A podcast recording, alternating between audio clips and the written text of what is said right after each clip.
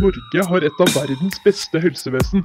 Det eneste problemet er at det blir så mange eldre, og at det ikke er nok fagfolk til å ta seg av dem. Egentlig så har vi ganske mange helsepersonell i Norge, men et av problemene er at mange slutter etter ti år i yrket. Så da spør jeg dere politikere, hva har dere egentlig tenkt til å gjøre?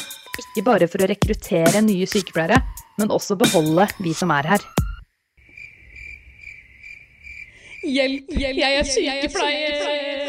Velkommen til en ny episode av Hjelp, jeg er sykepleier. I dag skal vi snakke om en avdeling som er såpass spesialisert at man kan få nytt hjerte og nye lunger, og såpass avansert at de har maskiner som holder hjerte- og lungefunksjonen i gang ved hjelp av plastslanger som kobles til store blodårer i kroppen. Yes, vi skal snakke om Thorax intensivavdelingen på Rikshospitalet. Men hvordan tør man egentlig å søke seg til en slik avdeling hvis man ikke har den slags arbeidserfaring fra før? Hvordan klarer man å virkelig se pasienten utenom alt det avanserte utstyret? Hvor syk må man egentlig bli eh, for å ende opp som Thorax-intensivpasient? Og får man i det hele tatt jobb på en så kompleks avdeling uten videreutdanning? Dette og mye mer skal vi bli klokere på i dag, for jeg er heldig å ha besøk av intensivsykepleier og VAD-koordinator Gro Sørensen og intensivsykepleier og fagsykepleier Oda Istre. Woo! Hei, hei. Hei, velkommen! Takk. Ja, hva syns dere om studio? Veldig fint. Ja. Ja. Jeg er heldig å ha fått eh, YouTube-rommet i dag, da, så du ser jo det er masse kameraer og sånt her, men de er ikke på. bare sånn dere vet det. Ja, det er blir ikke filmet. Det er godt. Jeg skulle ønske det, men da skulle jeg også ønske at jeg hadde noen som hadde tid til å sitte og klippe og lage sånne kule videoer for meg, men eh, det har jeg ikke. Så. I framtida, Helene. In the future. Jeg kan begynne å ansette folk i Hjelp, jeg er sykepleier. Ja, jeg tror det. Ja, takk.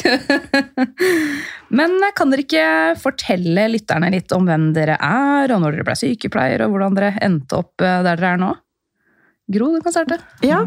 Du, jeg var ferdig utdanna i 1983. Og så ble jeg intensivsykepleier i 1991. Så jobbet jeg altså et par år både på Ahus og Ullevål før jeg begynte på hjerteavdeling på Rikshospitalet, og så videre på intensivutdanningen, da. Så nå har jeg vært på Thorax intensiv i 32 år. Oi, det er en lang karriere. Ja. Wow. Og, det, eh, og hvorfor jeg valgte å begynne å jobbe der, det er jo litt sånn for at jeg var veldig fascinert av hjertet og vel, ja, likte veldig godt å jobbe med hjerte, hjertepasienter. Og det, den fascinasjonen har jeg holdt ved like i alle disse årene. Spennende. Gleder meg til å høre mer om avdelingen snart. Ja, Oda. Ja. Eh, Jeg blei ferdig sykepleier i eh, 2011 eh, i Bergen, på Høgskolen i Bergen, som det heter. Eh, Og så ble jeg ferdig intensivsykepleier på Oslo OsloMet i 2015. Og så hadde jeg bindingstid eh, i HLK, hjerte-lunge-karklinikken. Og var egentlig ganske fornøyd med det, for jeg var der i praksis og trivdes veldig godt. Og likte veldig godt pasientgruppen. Så bra. Og Vi får høre litt om denne spennende avdelingen. Thorax intensivavdelingen. Kanskje starte med bare rett og slett forklare hva thorax er? For det er jo noen som ikke har begynt på holdt på å si videregående engang, det er det kanskje, men noen som ikke har studert sykepleie, som hører på. Ja. Ja, eh, altså thorax det er selve hva skal vi si, overkroppen. Eh, brystkassa, brysthulen. Eh, og det som ligger i thorax, det er jo det vi på en måte Eller det opereres på hos oss, da. Hjerte, lunger. Eh, og vi, intensivavdelingen vår den er jo da for pasienter som er operert i, i brystkassen. Det, eh, hjerte, lunger, hovedpulsåra. Voksne og barn. Man hører jo om egne lungeavdelinger og egne, hjerteavdelinger og egne karavdelinger, men her er det på en måte alle de tre i én, i tillegg til at det er en intensivstue og en kirurgisk avdeling. Ja, stemmer. Ja, wow. Men eh, hva slags pasientgrupper er det som kommer til dere, egentlig? Ja, vi har jo barn med medfødt hjertefeil fra de er sånn to dager gamle. Og vi har eh, voksne med medfødt hjertefeil, transplantasjoner av hjerte og lunger, eh, operasjoner på kransarteriene, såkalt bypass-operasjoner, eh, hjerteklaffer og operasjoner på hovedpulsåra. Da. Og det er både barn og voksne som kommer til dere? Mm. Og I tillegg så har vi jo da disse som trenger implantasjon av f.eks. mekanisk hjertepumpe som livreddende behandling. Og også da noen medisinske pasienter som er avhengig av, eh, av maskiner for å holde seg i live frem til ja, de kommer seg igjen, forhåpentligvis. Eller frem til transplantasjon, f.eks. Spennende. Vil en av dere fortelle litt om hvordan avdelingen er bygget opp? Ja. Eh, personalet rullerer mellom tre stuer. Vi har TKI1, som består av en voksenstue og en barnestue. Og så har vi TKI2, som er litt mer sånn fast track. Det er de planlagte operasjonene, de elektive pasientene, som har litt mer sånn forventa forløp. Og på voksenstua på TK1 der ligger de som er litt mer komplekse, og som vi forventer lengre liggetid på.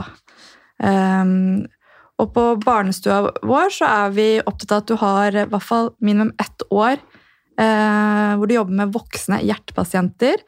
Og grunnen til det er jo at vi vil at eh, man skal forstå normalsirkulasjonen før man begynner å jobbe med det sære, unike, som er, kan være med barna som har medfødt hjertefeil. Mm. Så den eh, tredje avdelinga, det er barnestua? Eh, TKI2 tenker du på? Eller? Eh, Det var TK1 og TK2, også barnestua? Nei. Ja, TK1, der er det barnestua og voksenstua. Oh. Ja. Så det Så store og små ligger på samme rom? Nei, det er hver sin stue. Ja, ikke sant? Ja, ja, ja. Jeg prøver å se det for meg i hodet. Men vi rullerer overalt. Vi har fra 0 til 100 år. Oi, Ja, wow. Så du får variasjon. Og så for meg som på en måte, Jeg visste ikke helt om jeg ville jobbe med voksne eller barn. Jeg var veldig forvirra på det. Mm. Så for meg så passer Thorax Intensiv veldig godt. Den variasjonen. Mm. Og man får dypt seg, får fordype seg enda mer i eh, eh, hjertekirurgi og hemodynamikk, da, som vi sier. Sirkulasjonen. Ja. Ja. Mm. For jeg tror mange tenker at skal man jobbe med barn, så er det på en måte bare barn. Mm. Alene på egen avdeling. Men eh, Ja. ikke hos dere, da, tydeligvis. Så. Nei, det er jo fordi, eh, som jeg sa, at man må forstå normalt sirkulasjon. Mm. Um, det, her kan du få diagnoser du har én gang i karrieren din. Ja. Mm. Så det å forstå basic er viktig her. Mm. Mm. Har dere noen eh, favorittstuer som dere liker å være på? For eh, min del så er det begge deler. Altså, men jeg er veldig glad i hjertebarna. Ja. Mm. Og jeg liker veldig godt å jobbe både med barn og voksne, men gjerne de aller sykeste. De Mm. mest eh, utfordrende og komplekse. Mm. Jo sykere, jo bedre, pleier folk å si her i studio. Men hva er egentlig forskjellen på thorax på Riksen og thorax på Ullevål? Og er dere sammenslått for godt nå, eller åssen gikk det med det der? Eh, I våres så blei jo all hjertekirurgien flyttet opp til Rikshospitalet. Så nå har jo Ullevål en lungeprofil, og så har Rikshospitalet en hjerteprofil. Um, og vi var jo spente på sommeren uh, hvordan det skulle gå, men uh, sommerferieavviklingen har gått bra. Har det? Mm. Ja, så bra. Hvordan driftes avdelingen uh, i det daglige? Ja. Eh, Vi starter med en felles rapport, eh, hvor vi liksom går igjennom eh, operasjonsprogrammet, hvem som ligger på stuene, ja, hvem som skal reise videre, og ja. Og så går vi da inn til den pasienten du har fått tildelt, og så får rapport der. Så går vi liksom systematisk over pasienten før vi går inn på legevisitten. Og den begynner klokka 08 sharp hos oss. Ja. Eh, og det er fordi det, thorax intensiv er en kirurgstyrt avdeling. Disse, disse legene de skal inn og operere. Mm. Så plan for dagen den må vi sette tidlig.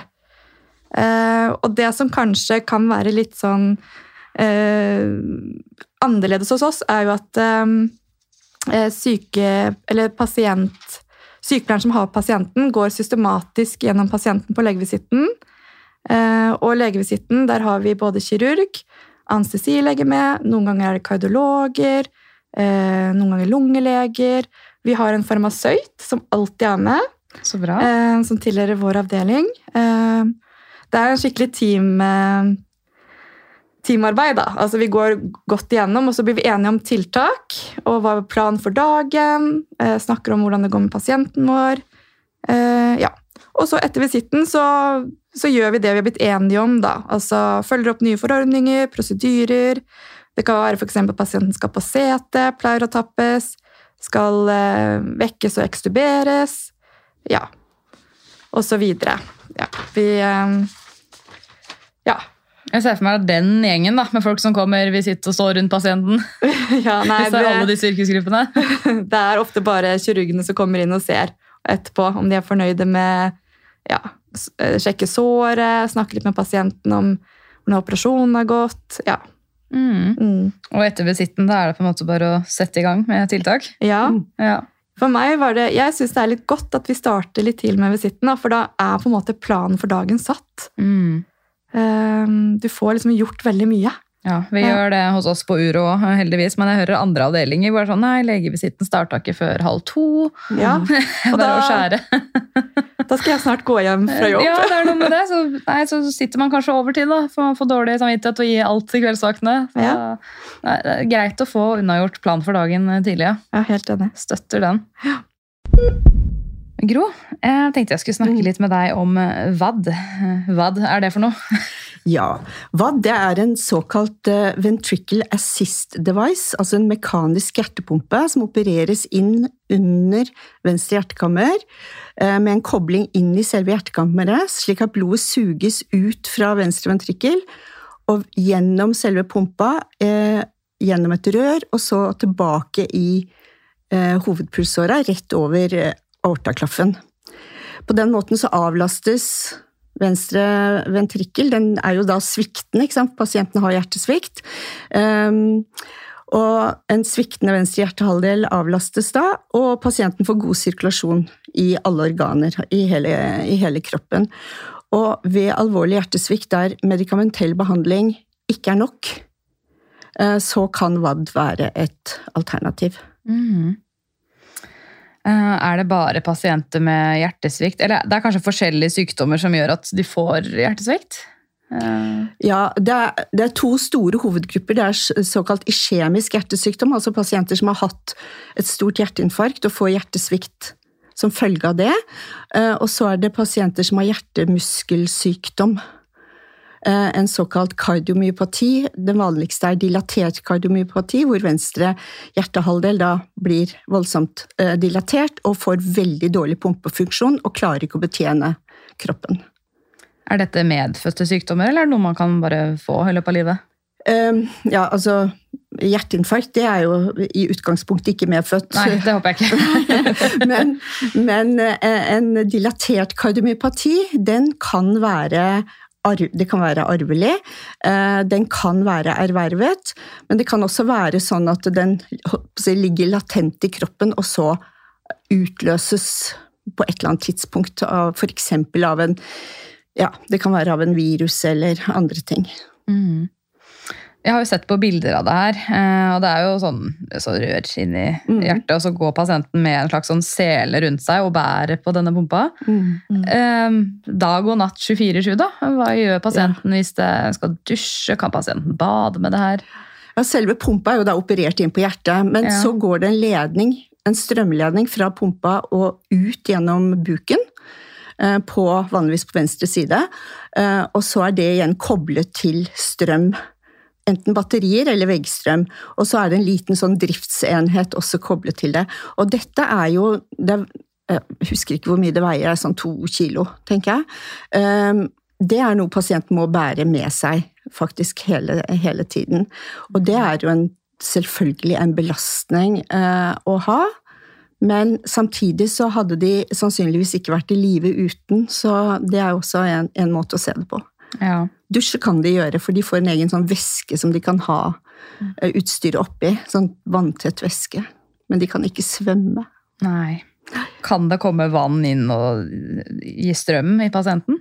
Hvis man bader og ikke tenker seg om? Ikke gi, vel, gi strøm til pasienten, men det kan vel få det hele systemet til å stoppe, tenker jeg, hvis det blir duppet ned i vann. Du er jo da VAD-koordinator. Eh, Vil du fortelle litt om den rollen? Ja, jeg følger pasienten gjennom hele forløpet. eh, Fra utredning til han eventuelt blir hjertetransplantert, eller livet ut, hvis, hvis det er sånn at pasienten må gå med pumpa hele, hele livet. Og det innebærer jo mye, det, mye informasjon. eh, Mye undervisning i alle ledd, både overfor pasient og pårørende, men også overfor kolleger. Andre sykehus, eh, som skal følge opp pasienten, trenger mye undervisning og, og um, oppfølging. Og så kommer jo pasienten jevnlig til kontroll hos meg på Riksen også, gjennom hele forløpet. Mm. Er det flest kvinner eller menn som får det her? Ja, du, sånn tradisjonelt sett så har det jo vært eh, eh, menn som har vært den største andelen, kan du si, med, med hjerte, hjertesykdom da. Og av de pasientene som jeg har hatt og har, så er det 15% kvinner, resten menn. Oi. Men menn har vel altså tradisjonelt sett blitt forska mest på når det gjelder hjertesykdom. Kan det ha noe med det Ja, å gjøre? Det kan det absolutt ha, fordi Ja. eh, hjertesykdom hos kvinner er, eh, som mange hevder, en litt sånn underrapportert eh, sak.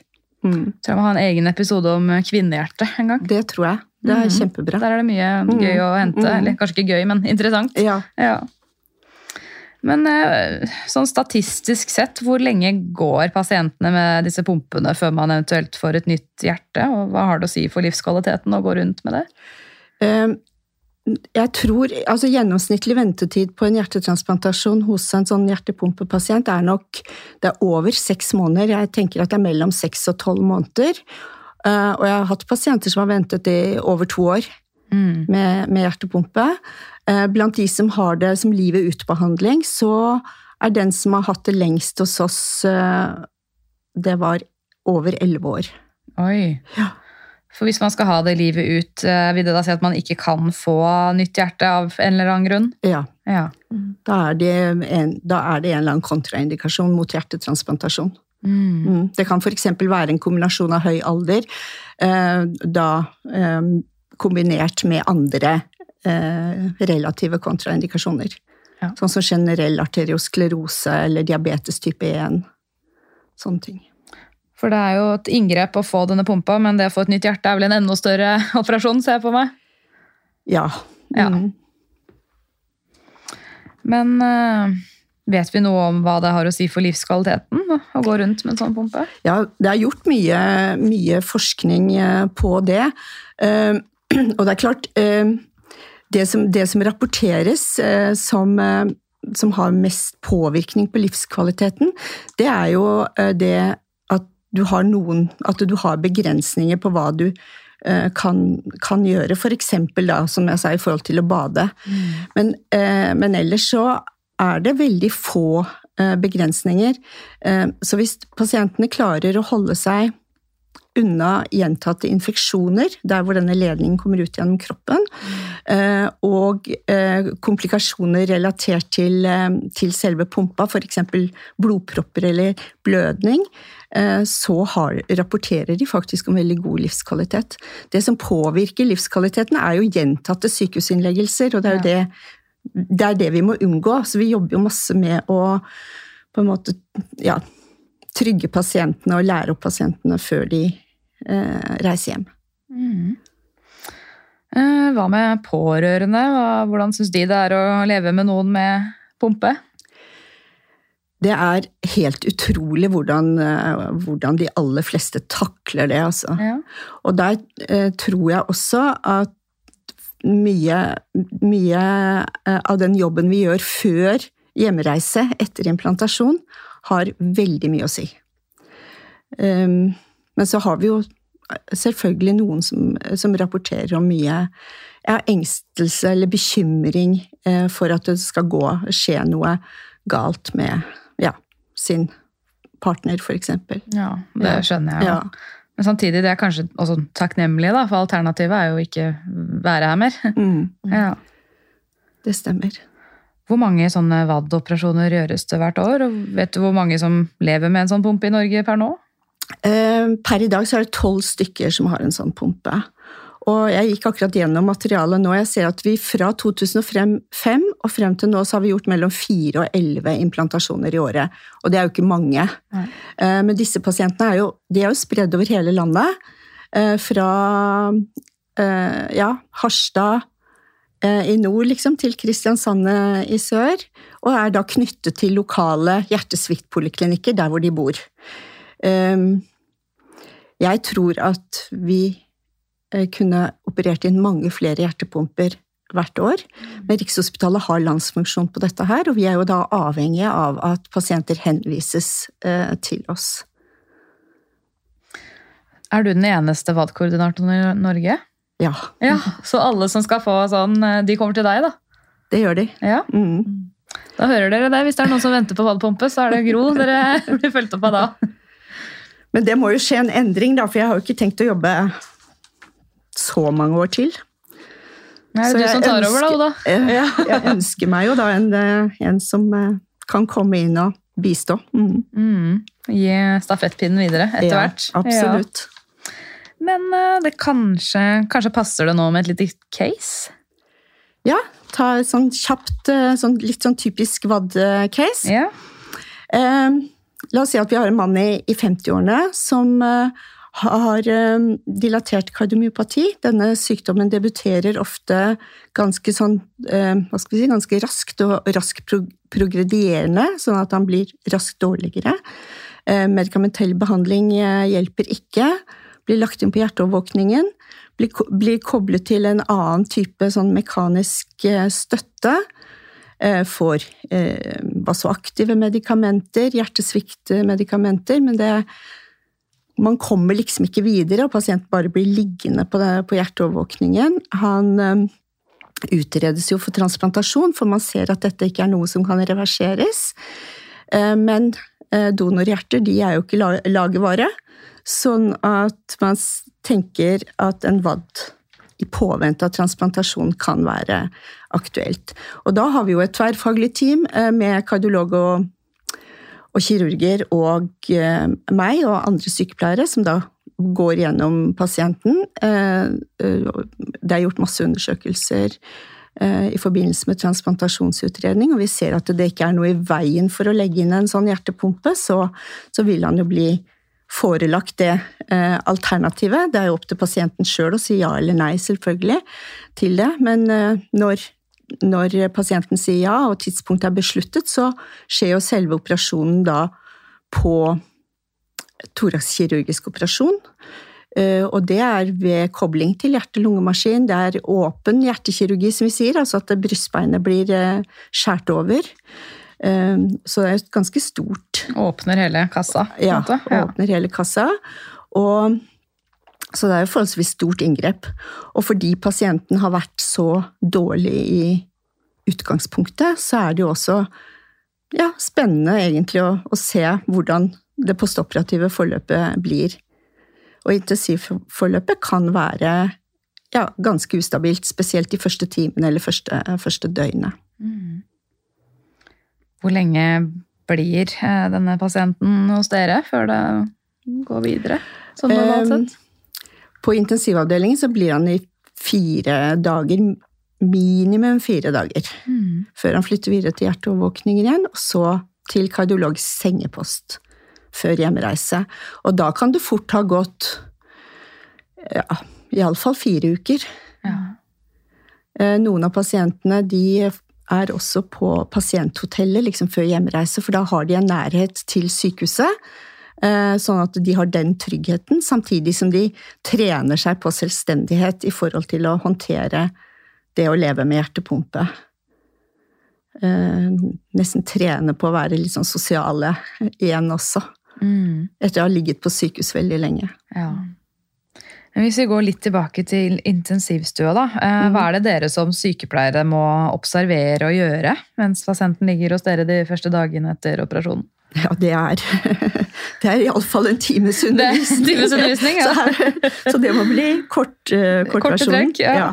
Eh, Pasienten har jo da, når han kommer til oss, så har han monitorering av lungekretsløpet med, med lungetrykkmålinger, i tillegg til trykkmålinger i arterien, sentralt ventrykk osv.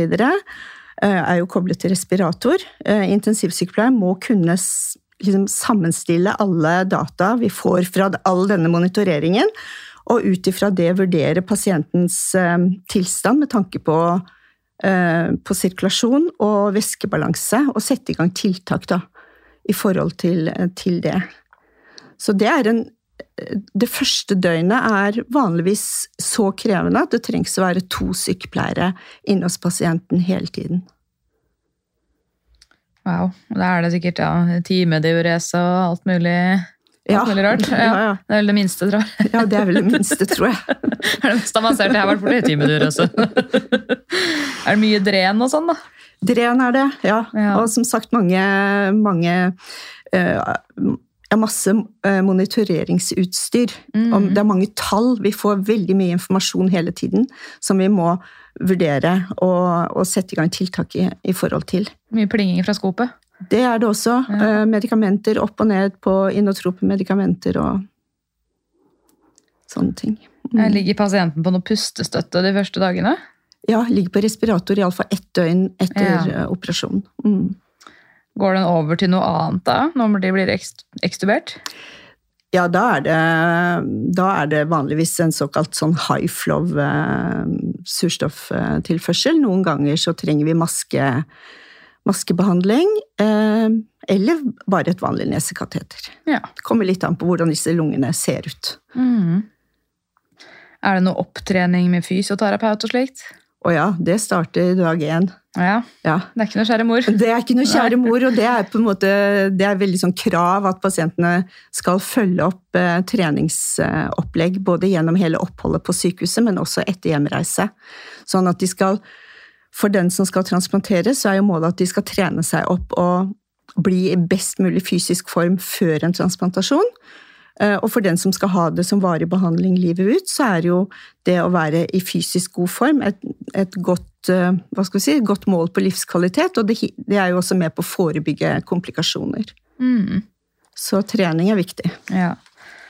Eh, komplikasjoner som kan oppstå. Vi har jo vært innom infeksjonen. Er det noen Mm. andre typiske komplikasjoner som kan skje enten de første postoperative dagene eller sånn generelt? Ja, det er jo, det er jo et stort inngrep eh, på hjerte-lungemaskin, og da kan det jo bli komplikasjoner f.eks. relatert til at det er blødning, da. S- eh, Og da må pasienten inn til en såkalt revisjon eh, igjen på, på operasjonsstua. Men det kan komme arytmier som trenger medikamentell eh, behandling. Eh, Men ellers er det dette med en usta, ustabil, sånn hemodynamisk situasjon, hvor man hele tiden må jobbe med væske, få en bra væskebalanse hos eh, pasienten. Senere i forløpet så er det sånn at han må jo ha eh, antikoagulasjonsbehandling med, med Marvan, og da er det veldig viktig å holde en veldig sånn stabil antikoagulasjon for å forebygge at det blir blødning på den ene siden, og det kan jo i verste fall bli hjerneblødninger, eller da tromboser på den andre siden, og det kan jo i verste fall bli slag, eller at det selve pumpa tromboserer og stopper. Så, så antikoagulasjonsbehandling er kjempeviktig. Ja, Skal de ha det så lenge de har uh, denne VAD-pumpen? Ja. Ja. Mye sånn INR-måling og sånt til Ja. fastlegen, sikkert. Mm. Ja, Ikke sant. Hjemreise, da. Ja, vi har jo snakket litt om det, hvordan det er å leve med den. Men jeg blir bare litt nysgjerrig. Kan pasienten eh, trene, eksempel? Hva kan de gjøre og ikke gjøre? Det, det er jo sånn at de kan Nå hadde jeg akkurat en pasient i kontroll for noen dager siden, og han drev og spilte fotball. Så sier man man iallfall være forsiktig med nærkamper. Ja. Ikke sant? For da plutselig kan denne ledningen som kommer ut av kroppen, hekte seg opp i ting og sånn. Så akkurat sånn kampsport og sånne sånn, ja, det er vi ikke veldig, veldig fan av. Men, men å trene i, på vanlig treningssenter og sånn, det gjør nesten alle sammen. Og, og noen som ikke er veldig sånn eh, opptatt av å bygge muskler, de er iallfall veldig flinke turgåere. Mm, Og det er jo også god trening. absolutt. Nei, men Mm. takk for et eh, fint case.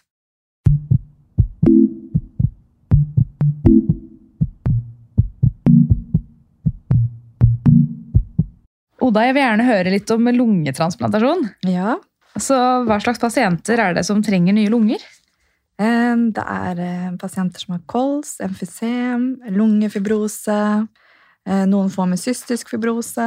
Ja. Så ja. Mm. Hvilke kriterier må man fylle for å få nye lunger? Og får man alltid to nye? Ja, godt spørsmål. Eh, respirasjonssvikt uten effekt av optimal medisinsk behandling. Også de er uten andre behandlingsalternativer og har kort forventet levetid. Eh, Det er en av kriteriene. Og at det er et livrende tiltak, og ikke et tiltak for, for å bedre livskvaliteten. Ja, Kort forventet levetid, altså det vil da si hvis de ikke får nye lunger, da. Men hvis de får nye, så er det vel forventa at de skal leve lenger. Ja, altså de dør da hvis ikke de får eh, Ja. lungene. Mm. Og det finnes tre typer inngrep, så det var jo et godt spørsmål. Da. Får man alltid to? Ja, Eh, for jeg har møtt pasienter som bare har én lunge, ja, faktisk. Ja. Eh, Det er noe som heter unilateral lungetransplantasjon, dvs. Si én lunge, som du sa. Og så er det bilateral lungetransplantasjon, dvs. Si to lunger. Og så er det hjerte-lungetransplantasjon. Eh, Men på Rikshospitalet er det vanlig at man bruker bilateral lungetransplantasjon, dvs. Si begge to. Og også på prinsippet av de som kunne klart seg med én lunge. Og det er liksom en følge av erfaringer og resultater fra tidligere, da. Så det er best outcome. Ehm, og prioriteringen er jo, som jeg sa, at det er jo de som man mener har minst mulighet for å overleve i påvente organ. eh, og så må man også se om det er kontraindikasjoner, visse sykdommer. Eh, de må også skaffe passende lunger. Eh, ja, og så er det også, kan ikke være eldre enn 65 år. Mm. Jeg må bare spørre om noe som jeg alltid har lurt på. For jeg har hørt noe sånn, eh, jeg vet ikke om det er rykter, at man må skrive en kontrakt på at man lover å slutte å røyke hvis man røyker. Er det noe Er det en greie? Du må være du må være røykfri i et halvt år før du kan vurderes for en hjertetransplantasjon. Ja. Ja, Du signerer ikke på at du aldri skal begynne å røyke igjen, men det forventes at du tar vare på det organet som noen har gitt deg. Jeg hører så mye rart at hvis du begynner å røyke igjen, så må du betale tilbake penger til sykehuset. Sånne amerikanske tilstander. Ja, det tror jeg. Ja, må man det? Må man betale tilbake penger til sykehuset hvis man eh, Nei. Nei, nei, Nei, nei, ikke det.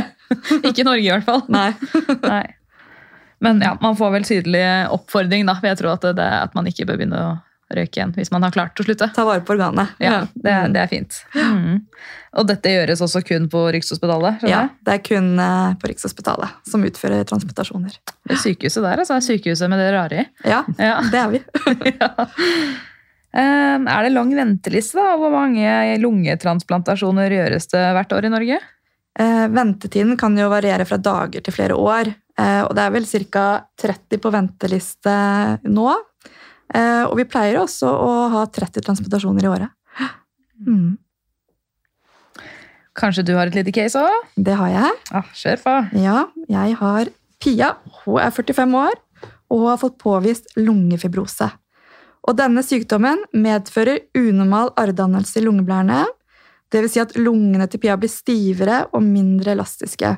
Og når lungene ikke er i stand til å utvide seg i like stor grad som tidligere, får du mindre volum å puste med, og jo mer fibrose som dannes, desto vanskeligere blir det for Pia å puste.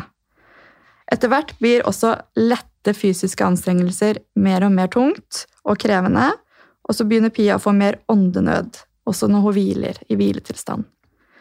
Eh, den medikamentelle behandlingen klarer ikke å bremse sykdommen. Eh, Pia er nå avhengig av å få oksygen på nesa, og går med det så å si hele døgnet. Ta med sånn kolbe rundt, da. Ta med seg kolbe rundt. Ja. Og så blir det sånn at de oppholder seg mer og mer på sykehuset. Um, og så blir hun altså til slutt så dårlig at hun får beskjed om at hun har som jeg sa, kort forventet levetid. Og da blir hun satt opp på listen for lungetransplantasjon, eh, og da må Pia få nye lunger, hvis ikke så dør hun. Og eh, Pia blir jo selvfølgelig grundig informert om ventetiden, innkallingen for operasjon og tiden etter transplantasjon. Og i ventetiden så er det lungeavdelingen på Rikshospitalet som følger henne opp. Eh, organene kan jo komme når som helst på døgnet. Eh, men kanskje en kveld får Pia beskjed om at hun har funnet eh, nye lunger til henne. Og da møter hun opp på Rikshospitalet og forberedes preoperativt før hun blir kjørt inn til operasjon. Og ved lungetransportasjon blir jo også brystbeinet saget opp. Og pasienten blir koblet til en sånn hjerte-lungemaskin. Eh, Og etter operasjonen da blir hun kjørt inn til oss på Thorax intensiv. Og da er hun også intubert, hun har arteriekanyle, flere sånne venefloner, eh, sentralt venekateter, CVK, eh, urinkateter, sonde. Hun har et retrosternalt dren, dvs. Si et dren bak brystbenet, bak eh, sternum. Og så har hun to pleuradren i brysthulen. Um, og det vi observerer uh, Vi er jo veldig redd for uh, blødning, for du har jo ved lungetransplantasjon store innvendige sår.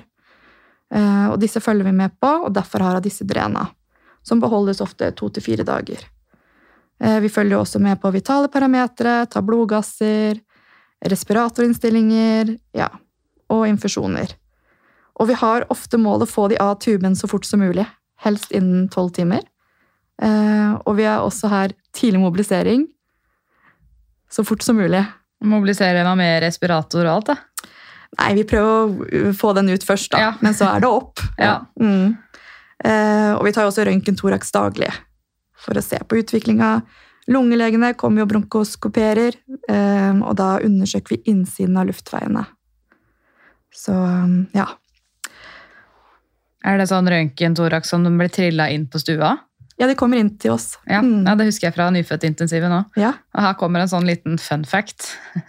Alltid når det kommer sånn røntgen som blir trilla inn på en intensivstue, og kvinnelige sykepleiere må gå ut, så er det ofte fordi de er gravide. Ja. Så finner man ut av det.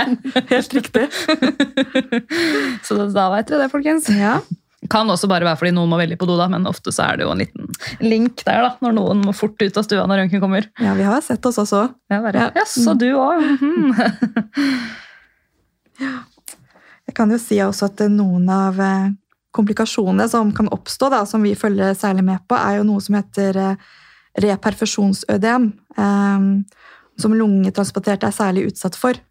Og det er jo at de kan få et lungeødem og få respirasjonssvikt. Og da følger vi veldig nøye med på væskebalansen og holder ofte pasientene litt tørre.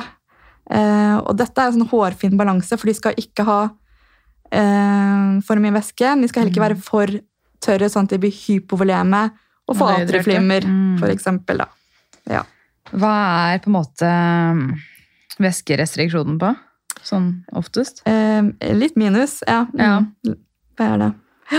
Og så er det jo en annen komplikasjon vi også ser veldig etter. Det er tegn på reaksjon, eller avstøtning av organet. Og det kan komme akutt, det kan komme allerede på intensiv.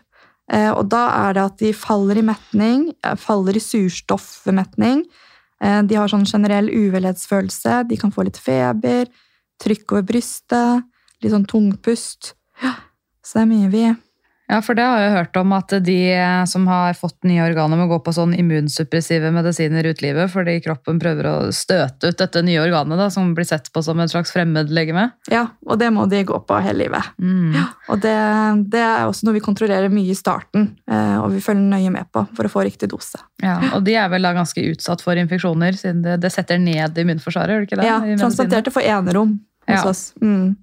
For det var vel en av de gruppene man var veldig redd for under covid, da. Ja, absolutt. Ja. Mm. Ja, hvor lenge er eh, Hva var det hun het? Pia? Pia. Hvor lenge er Pia hos dere før hun må videre til andre skal si, step-down-avdelinger og eh, hjem til slutt? da? Eh, ja, hun er vel én til to døgn, vil jeg si. Eh, så flyttes de til lungeavdelingen, men der kan de være opp, ja, i hvert fall fire uker eh, før de reiser hjem, eller drar til rehabiliteringsopphold, da.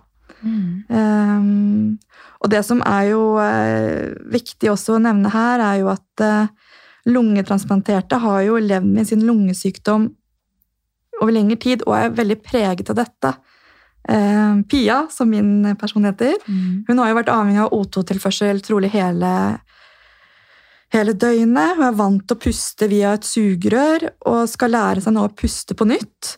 Hun har jo brukt hjelpemuskler. Mm. hun har også sikkert svake respirasjonsmuskler. Noen av de kan jo ha litt ernæringsproblematikk. Eh, og selv om de har fått nye lunger, så puster de med det gamle mønsteret sitt.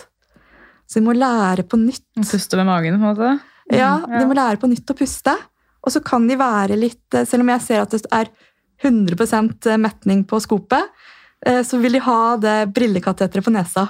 De vil det? Ja, og de vil følge med på det på skopet. og det er en sånn Du må bygge en tillit med dem. Med, og det er, her kommer fysio også veldig inn i bildet. De er gode på å trygge dem. den opptreninga kan ta litt tid, og derfor er det mange som trenger kanskje rehabiliteringsopphold. Ja, for her er det vel mye angst inne i bildet. Angst for å ikke få puste, fordi den angsten har vært der i så mange år Ja. at det er vanskelig å gi slipp på gamle mønstre. da. Selvfølgelig. Ja. Tenk det å puste via et sugerør. Altså bare Hva vi er mest redd for, det er kanskje ikke å få luft. Mm. Det må jo være en eh, forferdelig følelse. Ja, Mm. nei, Det er jo ofte det det er hvis folk er inne i trange rom eller heiser. at liksom, åh, Det er Ja. liksom det man blir redd for. Jeg får ikke puste her inne, dårlig lufthjelp, slipp meg ut. Ja. Ja. Mm. Så ja. Og så er det som du nevnte i stad, at de må jo ta immundempende midler hele livet etter transplantasjonen. Ja. Og ha hyppige kontroller hos oss da, på Rikshospitalet. Mm. Nei, Det passer jeg alltid på å si til pasienter som skal til oss Mm. på Aker. da, fordi vi har ikke sykehusapotek der. Så ringer han husk å ta med alle medisinene dine. Oh, ja. Vi, Ja. altså Aker det er jo ikke så mye igjen av Aker. Da må man drive og bestille medisiner, og det kommer kanskje ikke før neste dag. Og, Ja. men vi får sykehusapotek der nå, nå som det bygges opp igjen. Jeg ser jo at du går mye med blodkulturer på Aker sykehus. vi, vi gjør ting litt annerledes her, Ja. men eh, jeg, jeg tror det blir veldig bra når det ja, oppgraderes litt. Ja, det tror jeg. Mm. Men eh, det blir mange skritt på meg, da, så jeg får bare se på det positivt. det er bra trening. Ja. Mm. Skal vi gå til Q&A-delen? Ja. Mm. Og kjøre på med det. Ja, Må man være intensivsykepleier, eller kan man være vanlig sykepleier i anførselstegn på thoraxintensiven? ja, man kan være vanlig sykepleier, men du må være motivert til å ta intensivløpet. Um, vi har jo et trainee-program som kjører, og så har du opplæring i et halvt år. Mm. Hvordan er uh, trainee-forløpet deres? Så ender man da opp med å bli intensivsykepleier, eller bare har fått veldig god opplæring? Du ender opp til slutt som intensivsykepleier. Mm. Ja, Så da får man på en måte utdanningen sponsa fra jobben og sånt? Ja. Ja, Mm. Så bra. Så spør noen, bortsett fra podkast, på hvilken måte når dere ut til befolkningen med informasjon om avdelingen deres? Ja, må jo reklamere for at vi har vår egen Instagram-konto, da. Den er så fin. Ja. Og så har vi intensivsykepleiere som underviser både på intensivutdanningene i, i Oslo eh, og kardiologisk videreutdanning i Bergen og, og Trondheim. Og så, ja, så forsøker vi å vise oss eh, frem med innlegg og postere på ja, type møter eller kongresser, og blant annet nå på intensivkongressen som skal være nå i slutten av september. Skal vi ha to innlegg og én poster. Spennende. Hvor skal den eh, kongressen være? Tønsberg. Tønsberg, ja. Fin by. Mhm. Ehm, kan man jobbe hos dere hvis man ikke har jobbet på hjerte, lunge, thorax eller intensivavdeling før? Jeg synes det virker spennende å jobbe hos dere, men har ikke så mye erfaring med disse delene av kroppen, i anførselstegn, og har ikke lest i anatomibøkene siden sykepleierstudiene. Har lyst til å utfordre meg, men føler meg nesten litt dum som har glemt så mye. Tips? spørsmålstegn. Først det er jo så hyggelig at så mange har lyst til å søke jobb hos oss. Ja. Virker det som. ja, folk er interesserte. Folk er interesserte. Ja. Vi har jo ingen utlyste stillinger eh, ute nå, for vi er, eh, vi er jo 130 ansatte og vi er fulldekket. Ja. Um, Men det dykker alltid opp noe ut, og du kan søke hos oss selv om du ikke har erfaring med hjerte, lunge eller thorax fra før av. Um, Du må jo lese deg opp på faglitteratur, gå på kurs hvis du kan det, hvis jeg skal anbefale noe. Ja. Mm. Så er jo sikkert den der MedEasy fin å bruke for å repetere litt eh, Ja. anatomi. da. Mm. Mm. Eh, så er det jo kanskje andre thorax-intensivavdelinger andre steder i landet. Uh, Ja, det, Ja. det er det. det Eller noe er- lignende. De uh, opererer jo thorax både på St. Olav og, og på UNN i Tromsø og på Haukeland. mm. Så da er det på en måte i de store byene, da. Ja, Ja. Det er universitetssykehusene, ikke sant. Mm. Og så tar det jo også lang tid å bli eh, god i et litt sånn spesialisert felt. Ja. Ikke sant? Man kan ikke forvente at man kan alt eh, hvis man ikke har vært der før. Man. Det tar jo tid å lære seg opp. Ja. Man Mm. starter vel kanskje ikke med de aller tyngste pasientgruppene, eller? Nei, Nei. de blir godt ivaretatt. Altså vi, ja, man skal føle seg trygg på jobb, og det er litt sånn deilig hos oss at det er mange med lang erfaring. De har jobbet der i 25-30 år. Eh, Det er alltid noen å spørre. Vi er flinke å konferere med hverandre. Det skal føles trygt, da. Mm. Mm. Det er fint, for I motsetning til sengepost, da, så er det sånn hvis noen har jobba der i fem år, så er det sånn wow, da er man OG. Ja. Nå står du der med den som har mest erfaring. Ja. Tenk det. Hva er deres favorittoppgaver?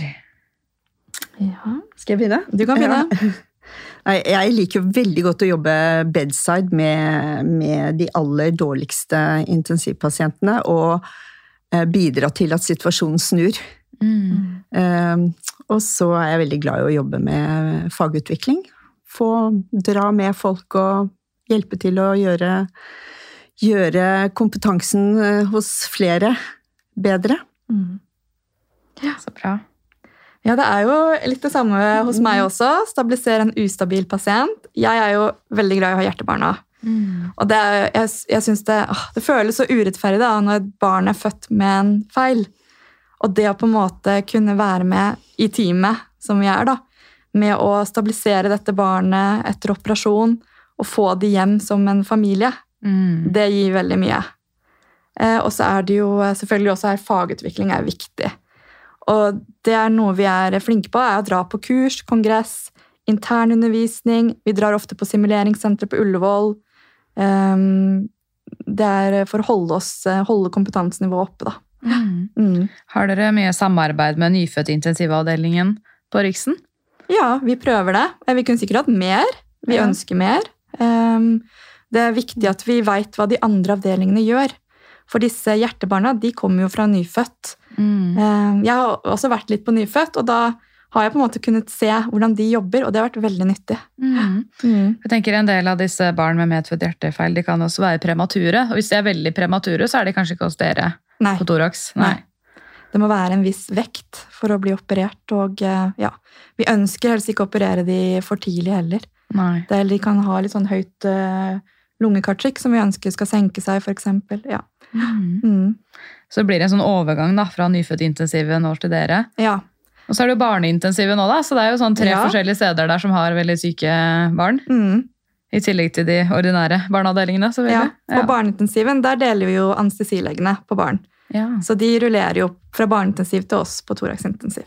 Mm. Mm. Men på vanlig barneintensiven, eh, det er kanskje ikke så mye hjertegreier da? Da kommer det til dere? Hvis vi skal opereres, så er det hos oss postoperativt. Ja. Ja. Mm. Ikke sant? Ja. Jeg har eh, vridd og ventet litt på det spørsmålet her, så det ble litt hyggeligere. Ja. Hvordan er samarbeidet med thoraxkirurgene? Eh, ja, jeg vil jo si at vi har et godt eh, samarbeid med thoraxkirurgene, både gjennom de tverrfaglige visittmøtene som vi har eh, hver dag, og også bedside i Ja. mm, det å vurdere pasientene sammen. Eh, og jeg syns at samarbeidet for det meste er preget av gjensidig respekt og tillit. og eh, vi som intensivsykepleiere jobber jo veldig, veldig selvstendig, så vi er, thorakskirurgene er helt avhengige av å ha tillit til at vi vet hva vi gjør. Um, og ellers så har vel de like forskjellige personligheter, de, som det vi har.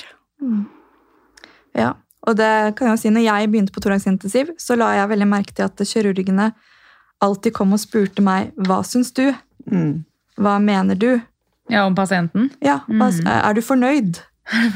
det spurte de ofte om. Ja. Um, og så er vi um, også øynene og ørene til kirurgene når de er på operasjon eller er borte. Og, uh, vi, um, det er mye ansvar Mm. som vi har. Um, og så kan du også oppleve at du også blir lært opp av kirurgene. Ja. At de vil forme intensivsykepleierne sine. Jeg, det var en kirurg som jobba hos oss. Jeg følte at jeg var på opplæring med han i flere år. Nå har de gått av pensjon. Ja, men eh, både intensivsykepleierne og kirurgene intensivsykepleierne som jobber lenge, de, du merker at de vil, de vil lære bort. Men det er jo fint, da. Det er? Det er en positiv eh, egenskap. Og så betryggende. Ja, Ja. virkelig. Mm. Det er verre med de som på en måte Det, det er kanskje ikke hos dere, da, men tester deg og litt sånn Ja, men det må du skjønne. Ah, det er så uting. Ja. Ja, Mm. Veldig ukultur. Ja. Så slutt med det. ja. Um, Har dere noen tips til intensivstudenter som skal til dere i praksis? Tenker da spesielt eh, praksisperiode i siste semester, hvor det forventes at man skal være mer eller mindre selvgående. Det kan være utfordrende på en så spesialisert avdeling med så mye avansert utstyr og behandling. Ja. Bra spørsmål. Dere får jo tilsendt et e-læringskurs før de begynner hos oss. Og så anbefaler vi også kanskje å lese litt intensivboka. Da Der har vi to kapitler der transportasjon og sirkulasjonsstøtte, som er eh, aktuelt hvis du skal til oss i praksis. Eh, Og så holder vi, har vi en åpen dialog hele veien med studentene. Om hvor de er hen eh, i forløpet, hva de føler seg trygge med.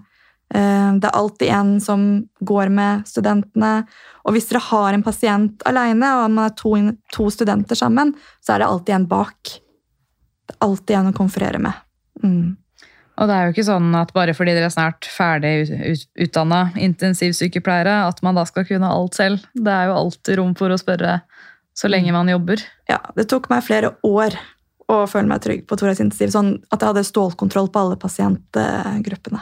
Ja, Og fortsatt så er jeg ikke ferdig utlært. ikke Nei, det blir vi jo, det blir vi jo aldri. Nei. Jeg syns jeg lærer noe nytt hele tiden. Ja. Nytt? MTU-utstyr, Mm. medisinsk-teknisk utstyr. Ja. Nye caser. Ja. Ja, medisinskteknisk, det er jo neste spørsmål. Hvem Ja. står bak det avanserte utstyret? Hvor i verden utvikles det, og er det kostbart?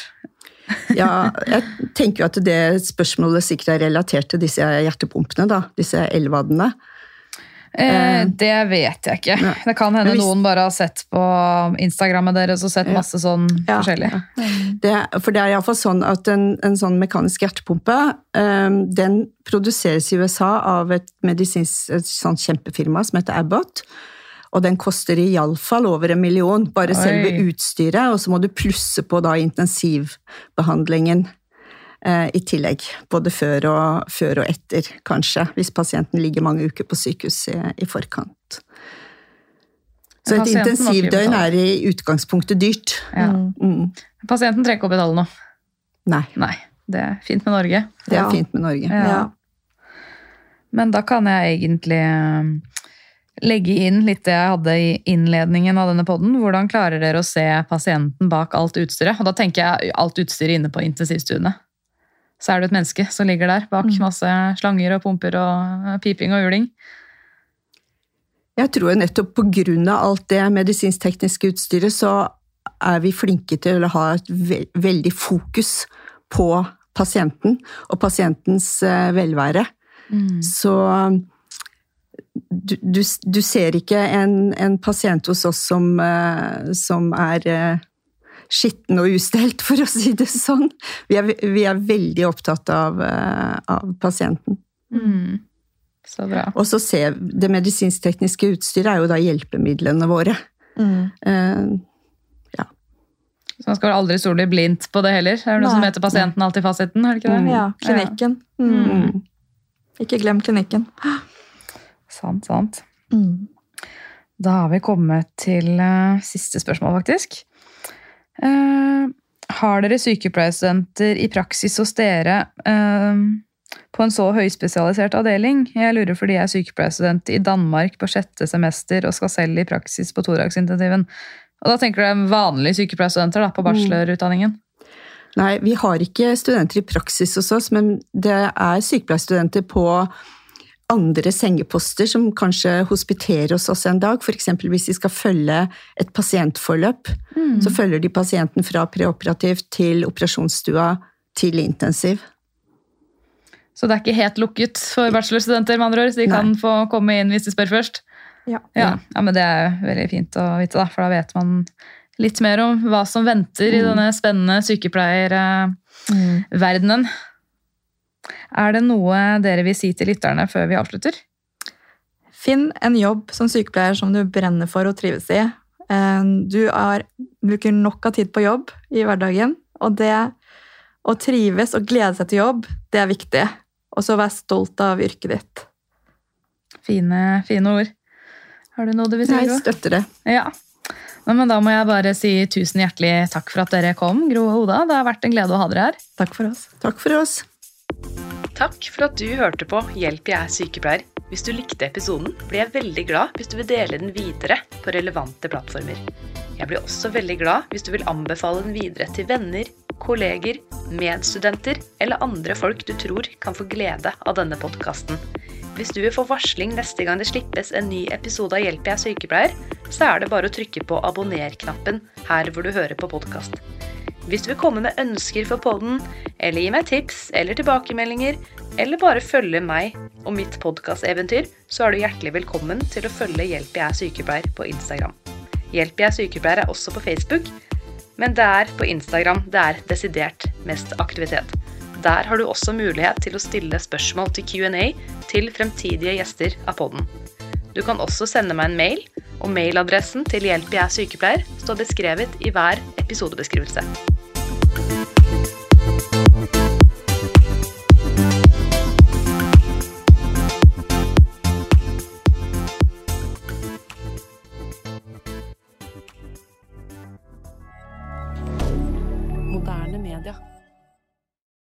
Har du et enkeltpersonforetak eller en liten bedrift?